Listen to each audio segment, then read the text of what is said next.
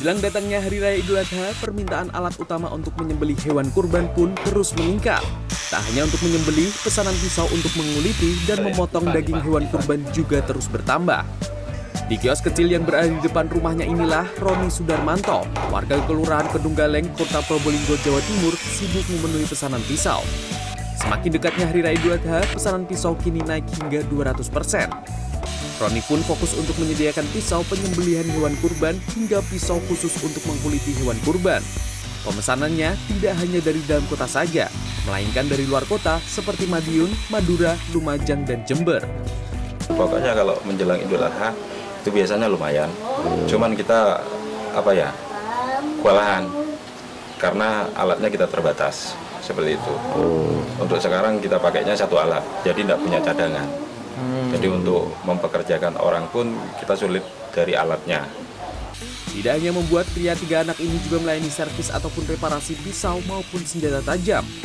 Untuk penjualan, Roni melakukan dengan cara online. Bahkan jika pemesan di dalam kota, dirinya bisa mengantar langsung ke rumah pemesan. Tidak hanya di Probolinggo, kakak beradik perajin pisau potong di Malang juga kebanjiran pesanan.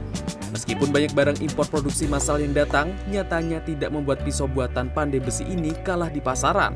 Antrean yang panjang membuat pelanggannya harus memesan jauh-jauh hari untuk bisa mendapatkan pisau buatan mereka. Matsuri mengatakan jika biasanya seminggu dirinya menyelesaikan 10 pisau, namun menjelang Idul Adha, dirinya bisa menyelesaikan 14 pesanan dalam seminggu. Yang banyak tuh pesan, pesanan. Pesanan di pisau potong, pisau boleh, Berapa untuk pesanannya? potong apa itu daging, balungan. Ya, Selain bawahnya semulai hari raya Idul Fitri, Idul Fitri sudah banyak yang pesan. Jika dibandingkan dengan produk massal, pandai besi ini mengakui jika harganya lebih mahal, berkisar antara Rp150.000 hingga Rp300.000 rupiah. Namun kualitas yang bagus menjadi alasan pemesan memilih tempat Matsari. Selain perajin pisau, produsen arang pun juga kebanjiran pesanan.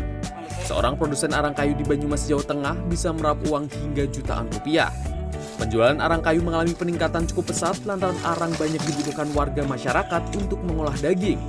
Dalam sekali produksi, pembuatan arang kayu ini membutuhkan waktu tujuh hari. Dan menjelang Idul Adha, arang kayu dapat diproduksi sebanyak 4,5 ton, sementara omsetnya bisa mencapai 8 juta rupiah. Gimana ini untuk, untuk permintaan Idul Adha ini? Lebih- Ya, madan naik tapi kayak akeh sing penjadukan tapi ya kayunya kurang jadi ya madan Oh bahan bakunya kurang, iya kurang-kurang modal lah. kurang modal ya. Hmm. Arang dari produsen ini biasa dijual ke pelanggan ataupun pengepul dengan harga Rp4.000 hingga Rp5.000. Meski jumlah permintaan naik, namun kurangnya modal membuat dirinya kekurangan bahan baku. Tim Liputan CNN Indonesia